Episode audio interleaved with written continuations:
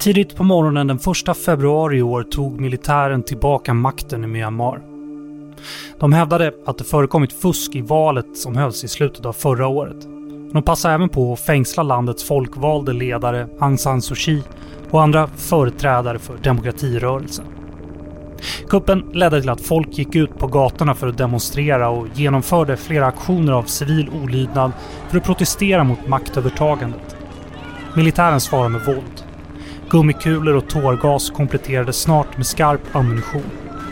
Och nu har hundratals dött och tusentals gripits. Men protesterna fortsätter än idag, fyra månader senare. Samtidigt har kuppen lett till upptrappade strider i flera av de mångåriga konflikterna med beväpnade grupper från olika minoriteter, främst ute på landsbygden. Efter en attack mot en militärbas under förra månaden har militären flygbombat flera byar nära gränsen till Thailand och det uppskattas att tusentals bybor har flytt sina hem. Så var kommer det här sluta egentligen? Kan militären kväva protesterna med våld? Eller har regimens motståndare en chans att ta tillbaka sitt land?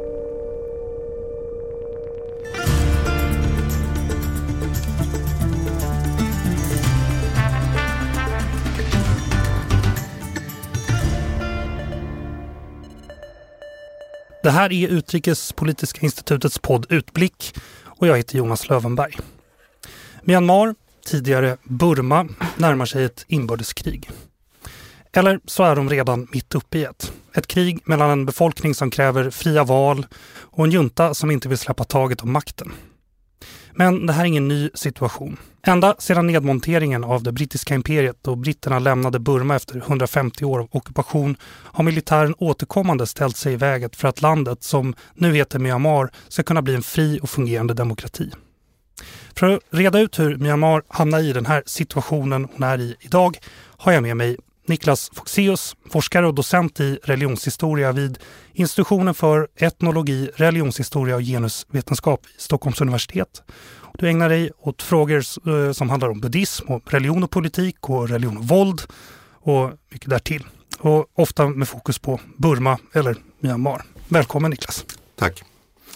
Och sen har vi också med oss Jen Hedström som forskar och undervisar om krig och genus med fokus på Burma eller Myanmar. Och, är, och du är också biträdande lektor i krigsvetenskap vid Försvarshögskolan.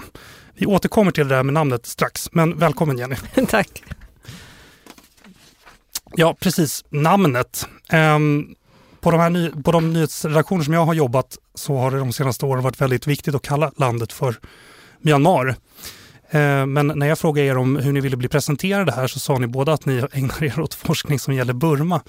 Så, så jag undrar, vad är det som gäller? Landet heter ju officiellt Myanmar, men i historieböckerna heter det Burma. Vad ska vi kalla det och varför? Och finns det någon politisk spänning i de här olika namnen? Niklas? Eh, ja, eh, det var ju så att eh, militärjuntan Slork eh, ändrade ju namn, eh, landets namn från Burma till Myanmar eh, 1989.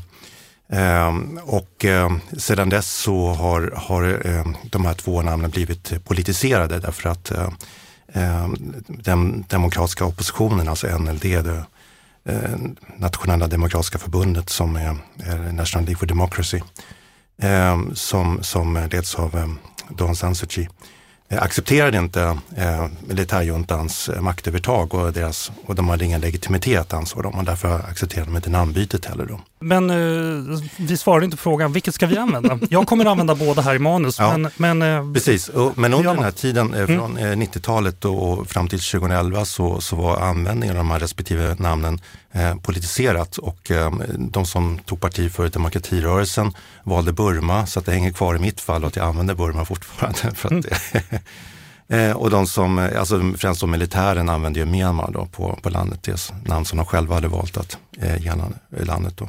Vad tycker ni om att nyhetsredaktionerna här i landet använder Myanmar? Då? Ja, nej, precis, jag ska komma in på det. Men efter 2011 mm. så, så har situationen förändrats och landet har genomgått någon form av Eh, Eh, demokratiseringsprocess eller öppnat upp i alla fall med liberalisering av politik och ekonomi och så. Och från, sen dess så har eh, eh valet av namn blivit mindre politiserat och det har blivit mer allmänt accepterat att använda Myanmar. Jättebra. Jag har funderat på det där och nu har jag fått ett svar. Vi måste också ta, säga någonting kort om vad, vad Myanmar är för land, Jenny. Kan du med lite bred pensel beskriva vad det, är, vad det är för ställe? En bred pensel. Um, jag tänker något som är viktigt att ha med sig när man tänker på Bur Burma eller Myanmar som landet. När, alltså det fanns ju inte innan den brittiska koloniseringen och i och med att britterna alltså koloniserade Indien så koloniserade de även Burma och liksom Eh, koloniserade landet som en del av brittiska Indien. Och när sen landet blev självständigt på 40-talet så drogs de här gränserna då och de, som inte riktigt fanns in, innan. Och när gränserna drogs så blev det då ett land som blev eh, extremt liksom komplex. Över hundra olika språk talas här, väldigt, väldigt många olika folkgrupper. Ehm, så att ända från, liksom, i, vad säger man på svenska, ända från eh, självständigheten så har det ju varit konflikter mellan olika visioner över hur landet ska se ut mm. egentligen. Och, och, och, just den här konflikten som, som Niklas talade om, det här mellan liksom majoritetsbefolkningen Bama och de här olika minoritetsgrupper har ju funnits där under ytan. Men vad har det varit då för land sig de senaste tio åren? Ehm, de senaste tio, alltså sedan reformprocessen inleddes och egentligen sjösattes, det är väl det på svenska, 2011 så har det varit ändå ett land som har eh, präglats av tänker viss framtidshopp ändå. Så att det har gått från en, en, en, liksom en väldigt eh, liksom, vad säger man, gammaldags liksom militärdiktatur som verkligen hållit hårt i landet till någon slags semidemokratisk form av styre där man ändå funnits mer utrymme för civilsamhället. Eh, universiteten öppnas upp igen. Det har ju varit liksom en, en enorm liksom influx av internationella bidragsgivare, finansiärer. Ehm, jag var i landet, kommer jag ihåg, 2011-2012 och försökte få ett hotellrum och det var liksom omöjligt. Det var ju som en gold, gold rush dit. Alltså det var ju alltså, så små, små hotellrum utan fönster gick för 300 dollar. Så att det liksom var ett land som ändå varit väldigt, väldigt mycket i förändring och där det har öppnas upp mer och mer till omvärlden och där man fått internet som man inte haft för, förut, ett fungerande banksystem och så vidare. Samtidigt så har det ju alltid varit inbördeskrig. Så de här krigen har ju inte nödvändigtvis slutat ba, ba, bara för att man har haft liksom en mer semidemokratisk styre.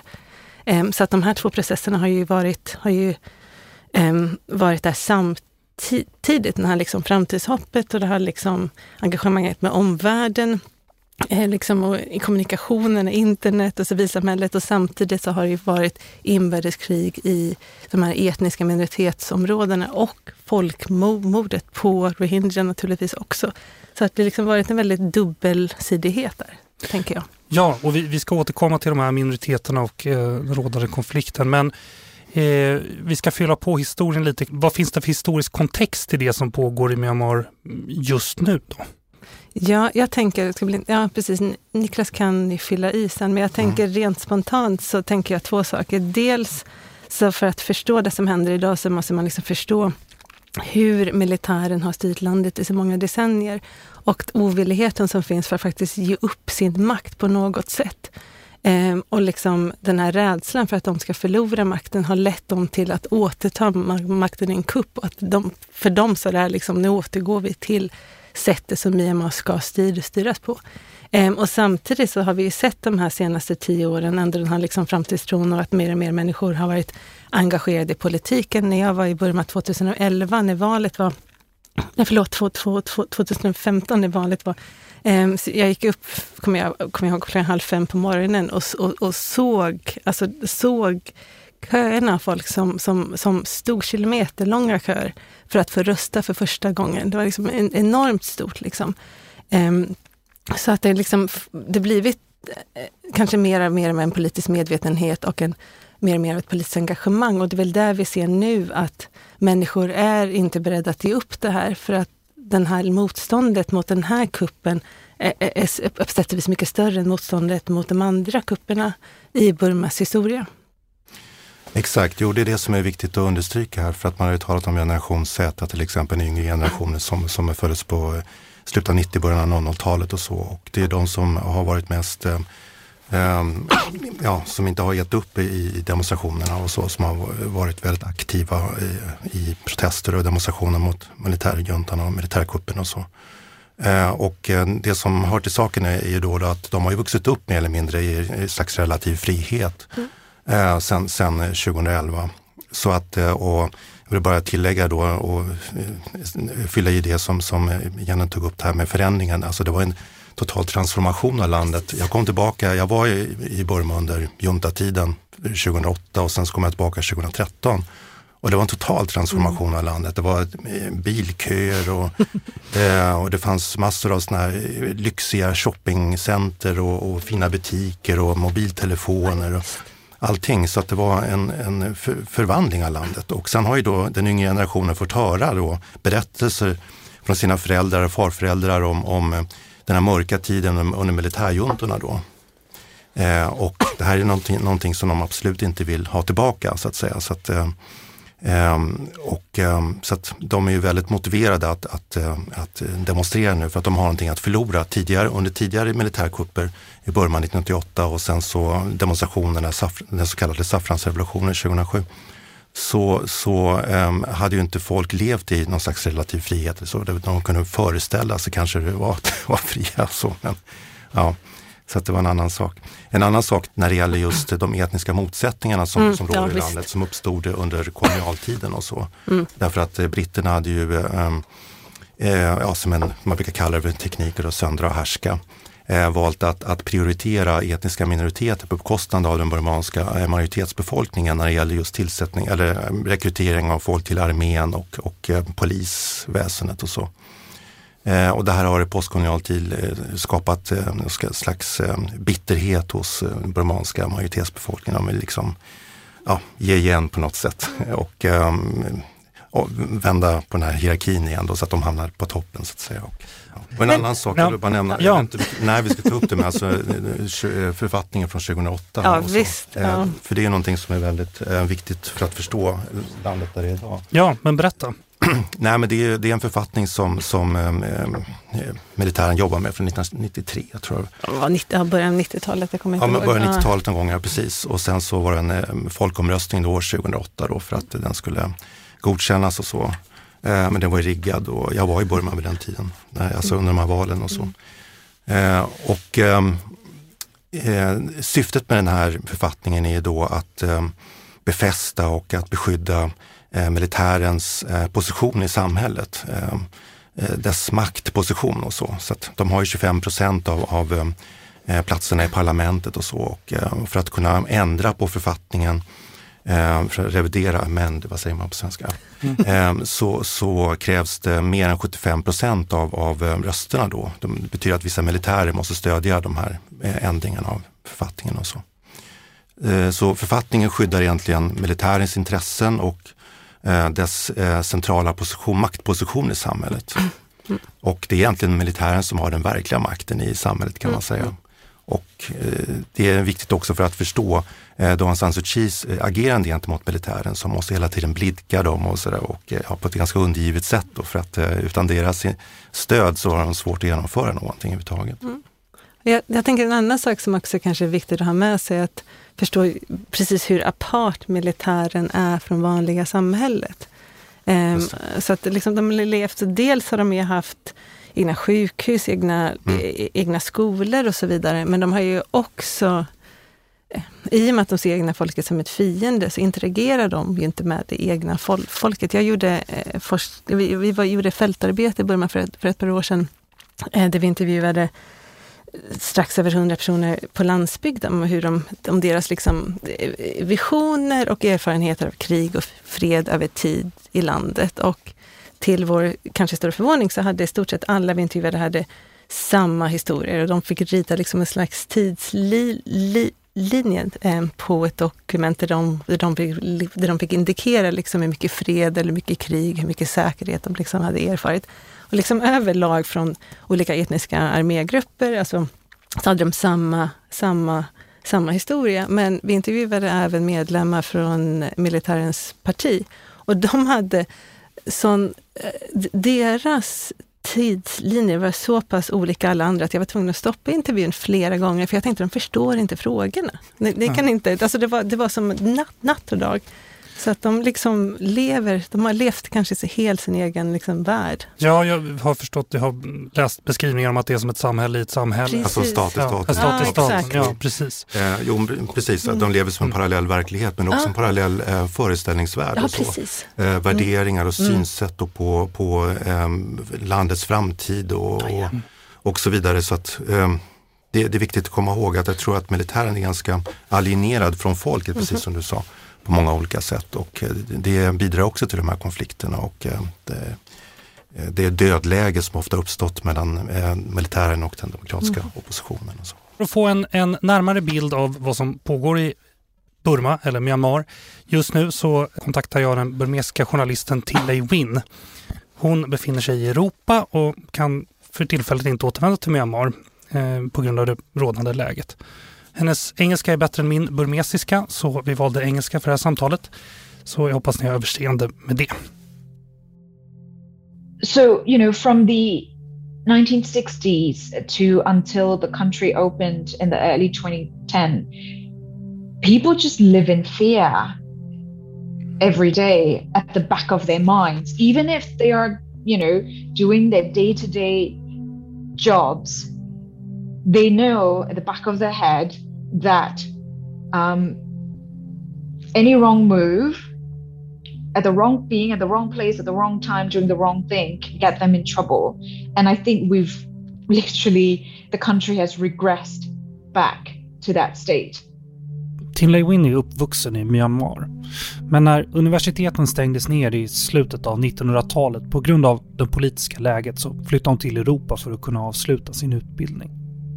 Och där har hon blivit kvar till stor del av sitt yrkesliv men hon har också återvänt till sitt hemland för att starta olika projekt. 2015 grundade hon en nyhetsbyrå för grävande journalistik, Myanmar Now. Hon har även startat projektet Kite Tales som handlar om att samla in historier från vanliga medborgare i Myanmar. Alltså inte berättelser om juntan eller de internationellt kända politiska profilerna i landet. Och två veckor innan kuppen i februari lämnade hon den nyhetsorganisationen hon jobbat för under många år för att bli frilans. Och nu bevakar hon hemlandet på heltid igen. The situation in Myanmar today is extremely concerning on multiple levels. Um, number one, the people's livelihoods are in tatters. You know, whether you're talking about big cities or in rural areas, a lot of people have either lost their jobs or are unable to work because of the security situation. So businesses are struggling, people are struggling. Um, you know, the junta staged a coup four months ago, and they've been extremely violent um, in the way they try to suppress dissent. And yet, I would still say that the coup has not yet succeed. It is still an attempted coup because despite having most of the power and most of the weapons in the country, the military has not been able to establish order in the country. You know, protests are no longer as large scale as we've seen in the, you know, first month or two um, after the coup, but people are still protesting. Um, the civil disobedience movement, where you know people, particularly people working in the public sector, refuse to turn up for work, is still going on. Tinley Win berättar att hon under de senaste månaderna ofta fått frågan om Myanmar är nära ett inbördeskrig. Men hon tycker att den formuleringen kan vara aningen missvisande. There has been conflicts, you know, fighting going on pretty much since, you know, Myanmar gained independence from the British um, in 1948. So Myanmar has this dubious honor of hosting, you know, one of the world's um, longest civil wars, if not the world's longest civil war, um, fighting with the Karen um, ethnic nationality groups have been going on for 70 years. And then there are also a myriad of other um, ethnic armed groups and armed organizations that have been fighting Myanmar military. Um, so there are a lot of long-standing grievances around lack of autonomy and human rights and justice in ethnic minority areas, and that has meant that for the you know last 70 years or so myanmar army has been fighting many many armed groups the difference now is that um, a lot of people in central myanmar um, majority of whom are Bama, you know, who belong to the majority ethnic group, are now seeing the kind of warfare and tactics that the junta has been deploying um, in the border regions, in the ethnic regions. Um, and, and, and, and, and the fight has spilled over, you know, into, in, into public view, essentially. Um, for a very long time, ordinary Bamas just either didn't know or didn't care to know what was happening in the border regions. Um, the kind of things that now we're now seeing um, in big cities um, are the kind of things that people in minority, minority, you know, ethnic regions have seen for many decades. Um, so for people who have been observing, you know, the conflict um, uh, uh, in ethnic areas, you know, they're like, oh wow, now, you know, this is this is this is happening at a wider scale are the protesters and the minority groups fighting for the same thing now? Yes. Um, I guess we should clarify that, you know, minority um, armed groups, you know, we're talking about um, armed groups. Um, but yes, you know, there is now a convergence uh, between the protesters who were out on the street, you know, um, calling for uh, return to democracy um, and the recognition of the election results, as well as a federal democracy and all that sort of stuff, um, and the ethnic armed organizations that have been fighting Myanmar military for decades, um, they now have a common enemy. Um, and they now are aligned um, on quite a lot of different uh, fronts um, to try and uh, uh, battle the, not to try, to battle the, the, the Myanmar junta.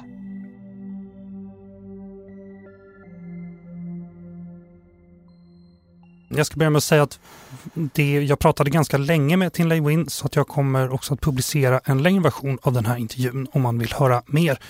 Reaktioner, vad säger ni om det här? Jag tyckte att hon belyste väldigt tydligt just hur, hur fruktansvärt det har varit. i Burma, man just den här skräcken för att det ska återgå till eh, till hur det har varit förr i tiden. Jag tänker att det är väldigt viktigt att veta just hur brutal den burmesiska juntan har varit. De här, man har haft en extrem, vad säger man på svenska, counterinsurgency campaigns, vad heter det? Uh, och jag vet inte vad.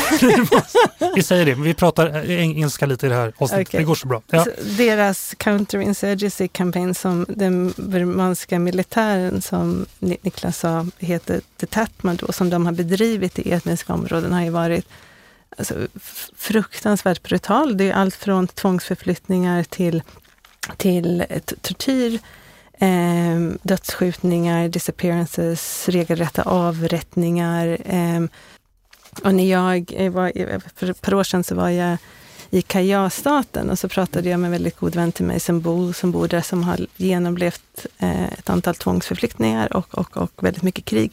Och hon hade precis köpt hus och det var eh, människorna omkring henne tänkte att hon var helt galen, att hon hade investerat i framtiden. Hon hade mm. precis fått, fått barn och för henne så var det så här, men jag, jag tror på det här. Jag har köpt mm. hus. Min största dröm att jag ska inte vakna och ha mardrömmar varenda natt. Och min son ska kunna växa upp i, i ett hus där vi bor kvar och att han ska kunna äta mat hemma och att vi inte ska behöva springa hela tiden. Mm. och hon har nu fått gå under jorden. Alltså det, är, det, är frukt, det är fruktansvärt det som händer nu. Men också den här som vi, som vi nämnde i, i, i introt här att eh, de har svarat på en attack mot en militärbas med, med flygvapen. Liksom. Det är ju ett enormt övervåld kan man då Extremt kanske tycka. Extremt övervåld, men det är det de ja. gör. Mm. Just nu, vad de har just, just nu, det är över 70 000 människor som sitter fast på gränsen mot Thailand. Thailand vä vägrar släppa in dem. Och där vi då har människor eh, som har flytt civila, eh, som då blir attackerade av flygvapnet. Det, det, men det, det, är inte... Det är fruktansvärt, men det är också det är där de har gjort, alltid. Ja. Um. Jag lägger till en sak. Ja, absolut. Just när det gällde eh, hur Tamado, alltså militären, har, har utfört operationer mot etniska minoriteter tidigare.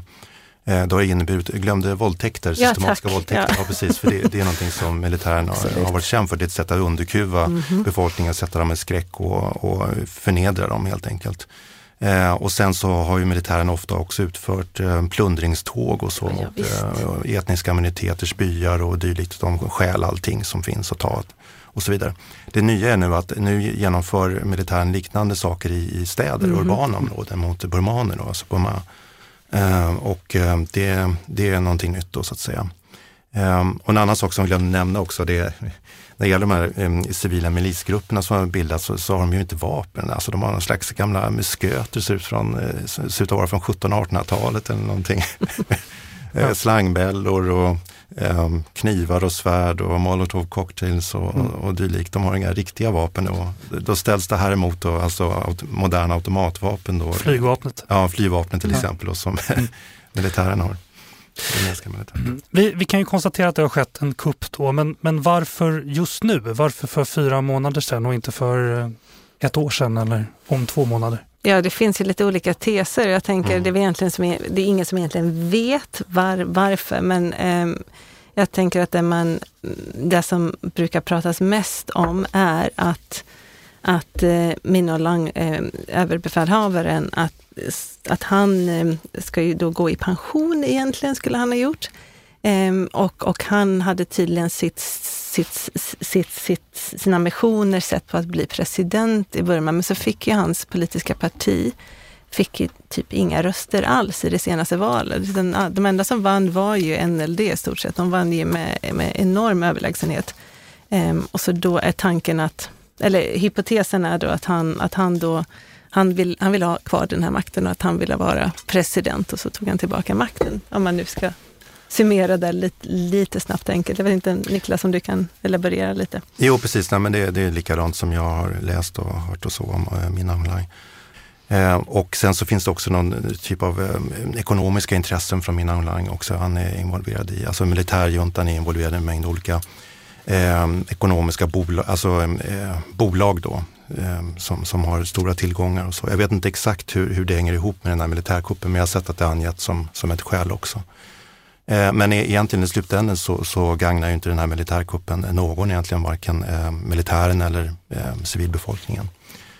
Eh, och det har ju lett till totalt kaos. Men jag tror att militären eh, lite kallt hade räknat med helt enkelt att, att eh, folket ganska snabbt skulle acceptera deras maktövertagande. För att det, det finns ju en klausul i, författningen då där militären har rätt att ja, införa undantagstillstånd. Men nu har inte det här genomförts på ett korrekt sätt då för att eh, egentligen ska eh, överbefälhavaren, jag tror att den ska samråda med presidenten då. Mm. Eh, vilket inte har skett utan presidenten sattes i fäng eller husarrest istället då. Och mm. sen så, ja. Och eh, utifall att det skulle ske någon form av motstånd från befolkningen så tror jag nog att militären hade räknat med att, att folk ganska snart skulle låta sig kuvas och de börjar skjuta folk och så. Mm. För så har det varit tidigare, 2007 till exempel, mm. under den här så kallade saffransrevolutionen, när munkar demonstrerade. När militären eh, intervenerade och började skjuta folk så, så gav sig folk ganska snart mm. och, och eh, ja, de här motsättningarna upphörde ganska snabbt. Då. Um, vilka är då de som sätter sig upp mot det här maktövertagandet och hur går de här protesterna till?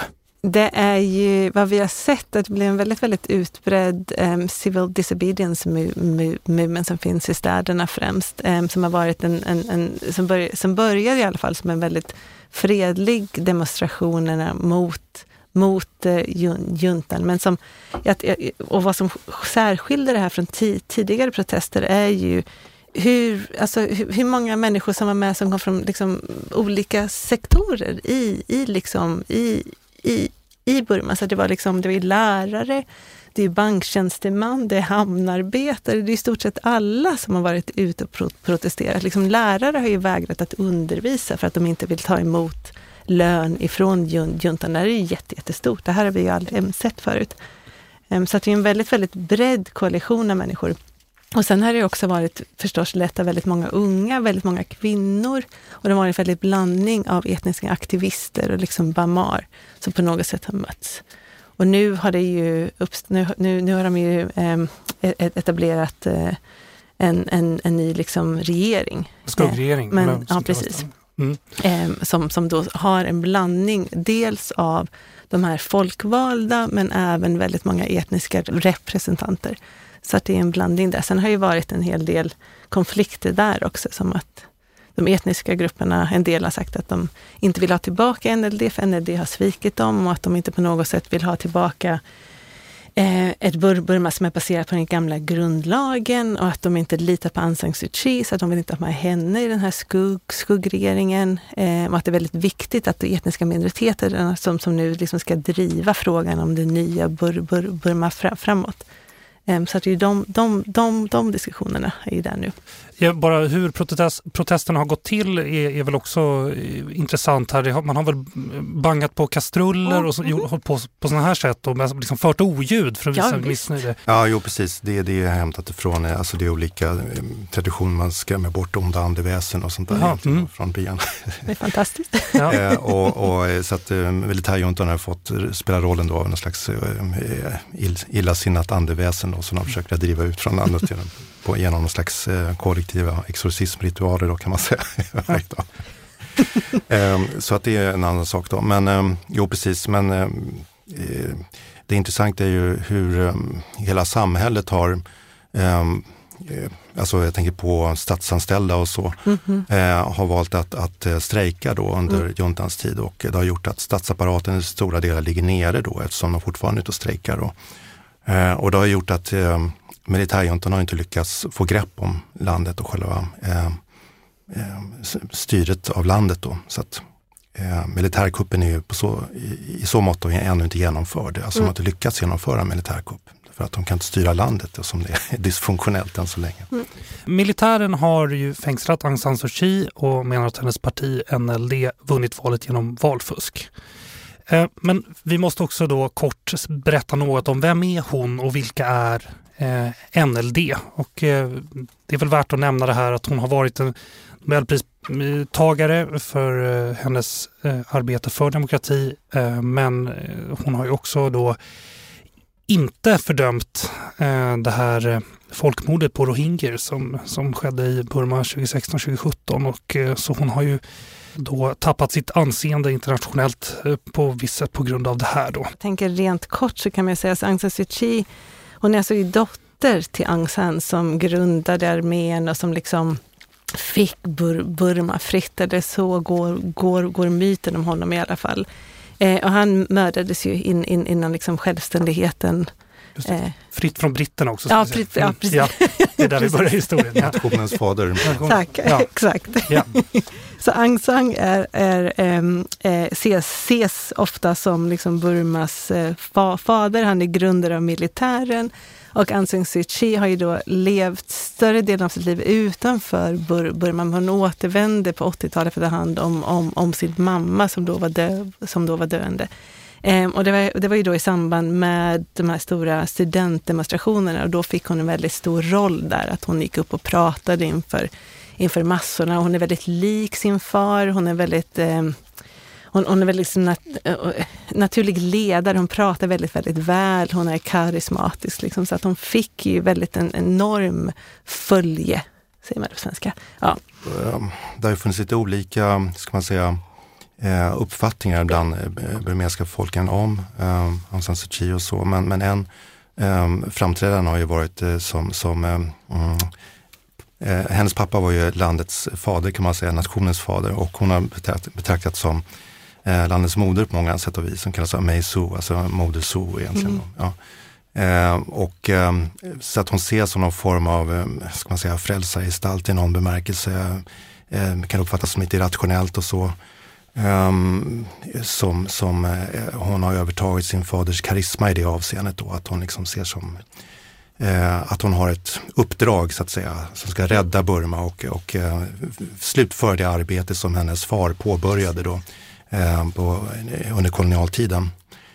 Um, och så hon har den här uppfattningen om sig själv som en ganska grandios bild och, och roll som hon tilldelar sig själv att hon ska ja, slutföra det arbete som hennes far general Aung San då hade påbörjat och så. Eh, och så har han också haft ett, ett moraliskt överläge då kan man säga eh, i förhållande till, till eh, militärjuntan, militären, eh, i och med att hon har eh, betonat demokrati och mänskliga rättigheter. Mm. I synnerhet under 90-talet då eh, så talar hon om mänskliga rättigheter och så. Och det här ledde också till att eh, hon fick eh, stöd inte bara lokalt i landet utan också internationellt. Att det var många västerlänningar som kunde speglas i henne och se att hon var någon slags förkroppsligande av deras ideal och värderingar och så. Att hon var en förespråkare för demokrati mm. och mm. Eh, mänskliga rättigheter och, och, så. Och hon pratar ju engelska flytande också, vilket ja, jag tror hon har en perfekt brittisk accent och sådär. Så att hon, det är verkligen en person som många britter kan mm. identifiera sig med. Så de är lite stolta över henne. eh, så att eh, det var ju den situation som rådde under 90-talet eh, då att, att eh, eh, alltså de, NLD vann ju valet 1990 och sen så valde då militärjuntan att ignorera valresultatet och sen uppstod det dödläge kan man säga mellan, mellan ja, militären och NLD. sen efter då 2011 Förlåt, han, jag måste bara, och hon sattes väl i husarrest här också? Hon sattes mm. i husarrest, jag tror 15 år sammanlagt under... 17 tror jag till och med. Ja, det kanske är totalt ja. 17. Ja. Länge ja. i alla fall. Mm. under 90 och 00-talet. Mm. Mm. Och jag tänker att under de där åren att det är väldigt många som liksom har gett henne olika bilder vad hon är för något. Men hon har ju ofta, hon har inte sagt något. Alltså hon har ju suttit i husarrest och, och varit tyst. liksom i åratal. Eh, så att när hon sen blir frisläppt, så att det är väldigt många så idéer och förhoppningar som liksom landats med henne som kanske egentligen inte har någonting med vem hon är som karaktär. Hon är ju, har vi ju sett nu, ingen kvinnorättskämpe. Hon är ju inte någon som tror på etniska minoriteters rättigheter. Alltså hon är ju från eliten, hon är ju Bamar. Eh, men på något sätt på 90-talet och på 2000-talet när hon inte pratade eller, eller när hon liksom inte fick komma till tals eftersom hon var på husarrest. Så, så, så, så, så fyllde hon väl liksom en sån där, ett, ett hopp för väldigt, väldigt många människor. Jag arbetade inom kvinnorörelsen då. Hon var ju vår stora idol överlag. Mm. Sen det försvann ju det. När jag talade med Tin eh, Leiwin, journalisten som vi hörde tidigare, så sa hon bland annat att militären under lång tid har använt propaganda för att skapa en negativ bild av olika etniska och religiösa minoriteter. Och att det är först nu då som majoriteten har börjat förstå eh, hur läget egentligen har sett ut, att de här historierna om, om övergrepp är, är, sanna i den utsträckning de är så. Men, och, och vad säger ni om det argumentet? Mm. Jenny? Ja men det är absolut sant. Jag, jag, så, vad som är väldigt viktigt att ha med sig är att all mediekommunikation var ju väldigt hårt kontrollerat fram till reformerna 2011. Det, fann, det fanns ju inte internet i landet i stort sett. Du kunde inte ha en telefon. Eh, du kunde inte ha ett eget simkort. Eller det, var ju, det, det kostade ju 3, 000 dollar per år, alltså extrema sum, summor. Um, och du kunde inte heller, eh, med universiteten var ju hårt kontrollerade, utbildningen stängdes ju ner, du fick, du fick inte eh, bli undervisad i politik, statsvetenskap, sådana kritiska ämnen. Du kunde bli läkare eller botanist och så vidare, men kanske inte någonting mera kritiskt. Eh, så att, så att liksom historiskt sett har det varit väldigt, väldigt svårt för människor att få, jag tänker människorna, brimaner i städer, det har varit väldigt svårt för dem att få information om vad det faktiskt är som händer i andra delar av Burma. De har kanske inte vetat om att det varit ett krig. Eh, när jag intervjuat aktivister som har som har liksom flytt till områdena där det varit krig eh, efter 88, så var det många som sa, men vi visste inte att det var, att det var så här dåligt, att det faktiskt ingick ett inbördeskrig och, och att det liksom, det var att det var statsapparatens fel på sätt och vis. Eh, och, och, och, men när liksom landet öppnades upp efter reformerna så fanns det också en viss öppning för att man skulle kunna sprida lite mer information. Eh, det fanns en mer öppning i media bilden. Eh, men den har ju överlag blivit mer och mer kontrollerad av NLD-regimen. Eh, så att det har varit väldigt svårt att ha en, en kritisk och ärlig diskussion om frågor som rör till exempelvis rohingya-frågan, eh, saker som rör inbördeskrig. Det har varit väldigt farligt att tala om. Ehm, så att liksom regimen har ju ändå alltid kontrollerat, alltså de har kontrollerat informationsflödet, Eh, och de har ju varit väldigt aktiva att skicka ut väldigt negativ pro, pro, propaganda om grupper som de inte vill liksom Ja, som, som rohingya eller andra etniska min, minoriteter som liksom porträtteras som någon slags hillbillies. eh, uneducated hillbilly som liksom inte har någon le legitim claim, vilket de naturligtvis har. Och nu har vi sett, nu ser vi en förändring då eller? Ja, till någon viss del. Ja. Hur har världen reagerat på kuppen i februari? Eh, mycket ord, inte så mycket action kanske. varit väldigt mycket fördömande eh, har det varit naturligtvis. Samtidigt så de två viktigaste länderna, jag tänker Kina bland annat och Indien har väl inte varit, eh, har väl inte varit särskilt fördömande. Eh, Indien är väl, eller förlåt, Kina är kanske något av en prekär situation. De har ju väldigt mycket ekonomiska intressen inne i landet som de säkert inte vill ska eh, alltså förstöras på något sätt av den här kuppen. De, de vill ju väldigt gärna se en stabil Burma. Liksom. Eh, men samtidigt, så de har ju inte fördömit eh, eh, juntan. Så omvärlden har ju kommit ut med olika sanktioner, riktade sanktioner mot militära ledarna och så vidare. Eh, men annars så vet, jag vet, det, det känns som det är väldigt mycket ord, det är väldigt mycket så här, saker som händer i FN, att det är väl, de, vet, de, de är very concerned och, du vet, mm. mm, mm. och så vidare. Just, ja, vad, vad, säger du Niklas? Har du något att tillägga där? Nej, precis. Nej, det, jag har inte så mycket att tillägga förutom att eh, jag tror inte att sanktionerna kommer att hjälpa så mycket. Men annat än att det drabbar vanligt folk eller så som det har gjort tidigare ja. kanske. Jag vet inte. Ja.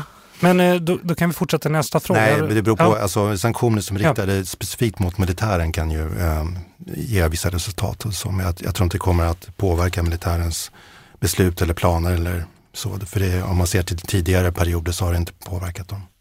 Men vad kan världssamfundet göra då för att få stopp på våldet och för att hjälpa Myanmar eller Burma att bli demokratiskt? Även om man inte kan sätta press på Burma i sig så kan man sätta press på närliggande länder, exempelvis Indien och Thailand. Och att, säga mm. att, att, att de är ju ändå demokratiska stater. Eh, och att de måste på något sätt ge en chans till flyktingarna att komma över gränsen och att få söka asyl och så vidare. Det är extremt viktigt att, att mota tillbaka dem över gränserna. Är ju, det, det går ju kors i tvärs med liksom internationella re, regelverk. Eh, och nummer två, eh, att, att ge materiellt stöd till demokratirörelsen är ju väldigt, väldigt viktigt. Och det har vi ju sett nu att väldigt många internationella organisationer har gjort. Att de, de stoppade liksom alla de här utbetalningarna som skulle ha gått till regeringen. Eh, för den här kuppen skedde i februari, väldigt många utbetalningar går ut i mars. Så plötsligt så satt ju organisationer som Sida eh, och Diffid i England och så vidare. De ju på väldigt mycket pengar som nu istället kan kanaliseras genom demokratirörelsen. Så det är väldigt, väldigt viktigt att de liksom får det här mat, mat, materiella stödet. Och sen nummer tre så måste man ju kunna ge asyl till folk som söker det. Eh, och det är någonting som Sverige inte är bra på. Exakt. Hur ser möjligheterna ut för demokrati i Myanmar? Det som man bör känna till när det gäller Burma, eh, som jag vill nämna i alla fall, det, det är ju att, att eh, eh demokrati tolkas och eh, uppfattas på olika sätt i olika kulturer och det är en väldigt lokal eh, tolkning av vad demokrati är i Burma som är ganska autokratisk egentligen. Det innebär att man ska vara beredd att undertrycka sina egna önskningar och, och, och, synpunkter och åsikter och så och underkasta sig en, en auktoritär ledare då. Och det är både inom militärväsendet och inom NLD så man tänker så. Och det man brukar eh, kalla detta då det är enhet, alltså ninjomo, det är att man, eh, en, att man uppnår enighet då. Eh, under en ledare så att säga. Eh, och eh, det handlar mindre om att, att eh, få eh, rättigheter och så, som man tänker sig eh, universella rättigheter som man får, mänskliga rättigheter och dylikt som man får eh, i en liberal demokratisk ordning och så, än om skyldigheter. Eh, skyldigheter mot gruppen, alltså att man har eh, moraliska skyldigheter och plikter och lojalitet mot gruppen. Det är viktigare än de rättigheter som individen själv kan göra anspråk på. Och det här talar inte bara militären om, eh, utan också Dawn San Suu Kyi och NLD. Det är deras uppfattning om vad som är demokrati. Så demokrati, om, det, det handlar egentligen om att få välja en auktoritär ledare. Man ska vara lite kritisk då, eh, eller Burma. Men, men kommer de uppnå den, det de ser som demokrati då? Vad tror ni? Finns det möjlighet till det? Ja, det är klart det finns möjligheter. Det får man väl hoppas. De här protesterna har ju enormt folkligt stöd på, liksom på en nivå vi inte har sett för, förut. Det mm. uppmärksammas internationellt. Um, Så att jag, jag hoppas verkligen att, att, att, att de kommer att upp, uppnå det. Absolut. Som jag var inne på tidigare så har ju eh, militärjuntan ännu inte fått eh, total kontroll Precis. över landet utan det är stora mm. delar av statsapparaten mm. som ligger nere på grund av att så många strejkar. Mm. Men vart detta kommer leda det är ju väldigt svårt att förutse. Då. Ja, jag vill gärna hoppas på att, att äh, demokratirörelsen äh, lyckas äh, ja, åstadkomma någon form av um, förhandlingspositioner. Det, det tror jag nog att det är det bästa man kan hoppas på när, i den här situationen med tanke på det militära överläge som, som eh, militärjuntan ändå har. Eh, men att de försätts i en bättre förhandlingsläge kanske om, om, om de skulle lyckas med sina eh, kampanjer då mot militärjuntan, sen demonstrationer och strejker och så. Ja, min fråga, då gillar han inte min sista fråga som är helt enkelt, så var kommer allt det här att sluta? Kan militären kväva protesterna med våld eller har regimens motståndare en chans att ta tillbaka sitt land? Jag tror att de har en chans. Jag tror absolut att de har en chans. Jag vill tro att de har en chans. Ja. Jenny Hedström, biträdande lektor i krigsvetenskap vid Försvarshögskolan. Niklas Foxeus, docent i religionshistoria vid institutionen för etnologi, religionshistoria och genusvetenskap vid Stockholms universitet. Tack för att ni kom. Tack själv. Tack så mycket. Tack själv. Jättekul att ha er här. Du har hört Utblick, Utrikespolitiska institutets podd. Glöm inte att klicka på prenumerera-knappen i appen där du lyssnar på oss. Om du vill höra en längre version av intervjun med Tinley Win så kommer vi att publicera en sån där du hittar Utblick. Här hinner hon berätta mer om sig själv, om situationen för gemene man i Myanmar, om militärens propaganda och om hur hon tror världen kan bistå det som slåss för demokratiskt Myanmar. Om du vill läsa mer om Utrikespolitiska institutets forskning och om världsbevakning, titta in på ui.se. Tekniken sköttes av Raul Berggren Ek. Vår vignett har komponerats av Friden Frid. Jag heter Jonas Lövenberg. På återhörande.